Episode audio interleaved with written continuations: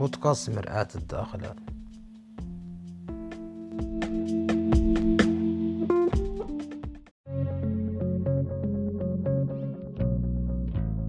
لطالما كانت الشعوب القديمة تعيش في حياة البدو بشكل مترابط ومتجانس بين مجتمعها ولذا لا زال الشعب الموريتاني يتميز عن باقي شعوب العالم الأخرى بحياة البدو بعيدا عن ضجيج السيارات وزخم المدن.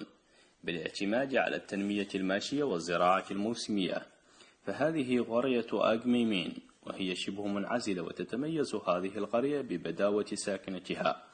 حيث تقع هذه القرية في أقصى جنوب الشرق الموريتاني. مع ساكنة لا تتجاوز الألفان سمة ويعتمد اقتصاد سكان هذه القرية على التنمية الحيوانية من غنم وإبل وبغر والزراعة المطرية. فعندما تلقي بنظرك يمينا ويسارا بالكاد لا ترى إلا بيوتا مبنية متفرقة على أطراف هذه القرية وما يسمونه هم بالمصطلح الحساني بالانبار أو المحمل.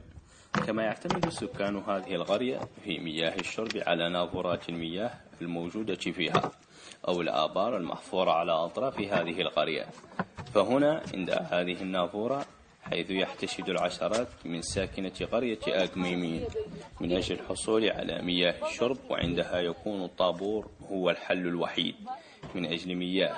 فيصطف أصحاب هذه العربات الواحدة والأخرى تحت هذه الخيمة ومنهم من لزم عربته إلى أن يحين دوره. لكن الأغرب ما في الأمر هو أن النسوة هنا هم اللواتي يقومون بجلب المياه وسقاية الماشية بالإضافة إلى الأطفال.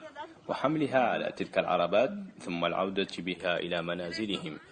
ومنهم من ذهبت إلى البئر من أجل سقاية ماشيتها وجلب مياه الشرب معتمدات على رافعة معلقة بين عمودين من الخشب ومثبتة بحبل على عارضة بينهما.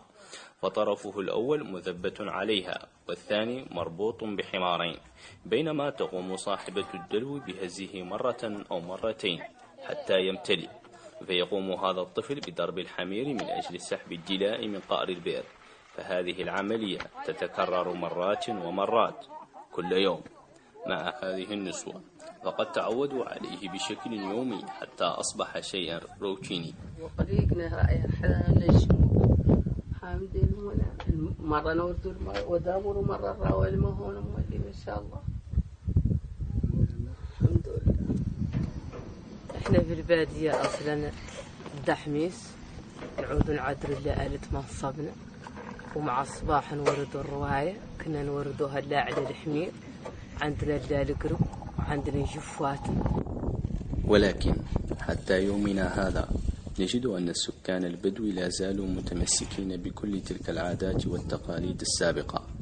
ومهما يكن فإن السكان البدوي مجتمع لا زال يعيش الحياة البدائية منذ مئات السنين وربما أكثر.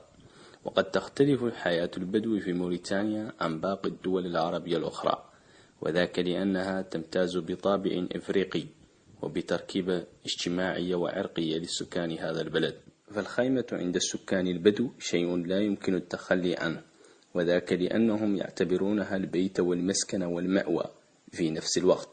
ويستهل سكان البدو الموريتانيين الجمال والحمير في ترحالهم الدائم بالإضافة إلى عوائدهم والتي بقيت تميزهم عن غيرهم من المجتمعات الأخرى ومتمسكين بها بشدة رغم تطور المجتمعات والأزمان مما جعل حياة البدو بين تحدي قساوة الطبيعة وتعلق بموروث الأجداد فأهل البدو ظلوا بدوا فذاك هو قرارهم.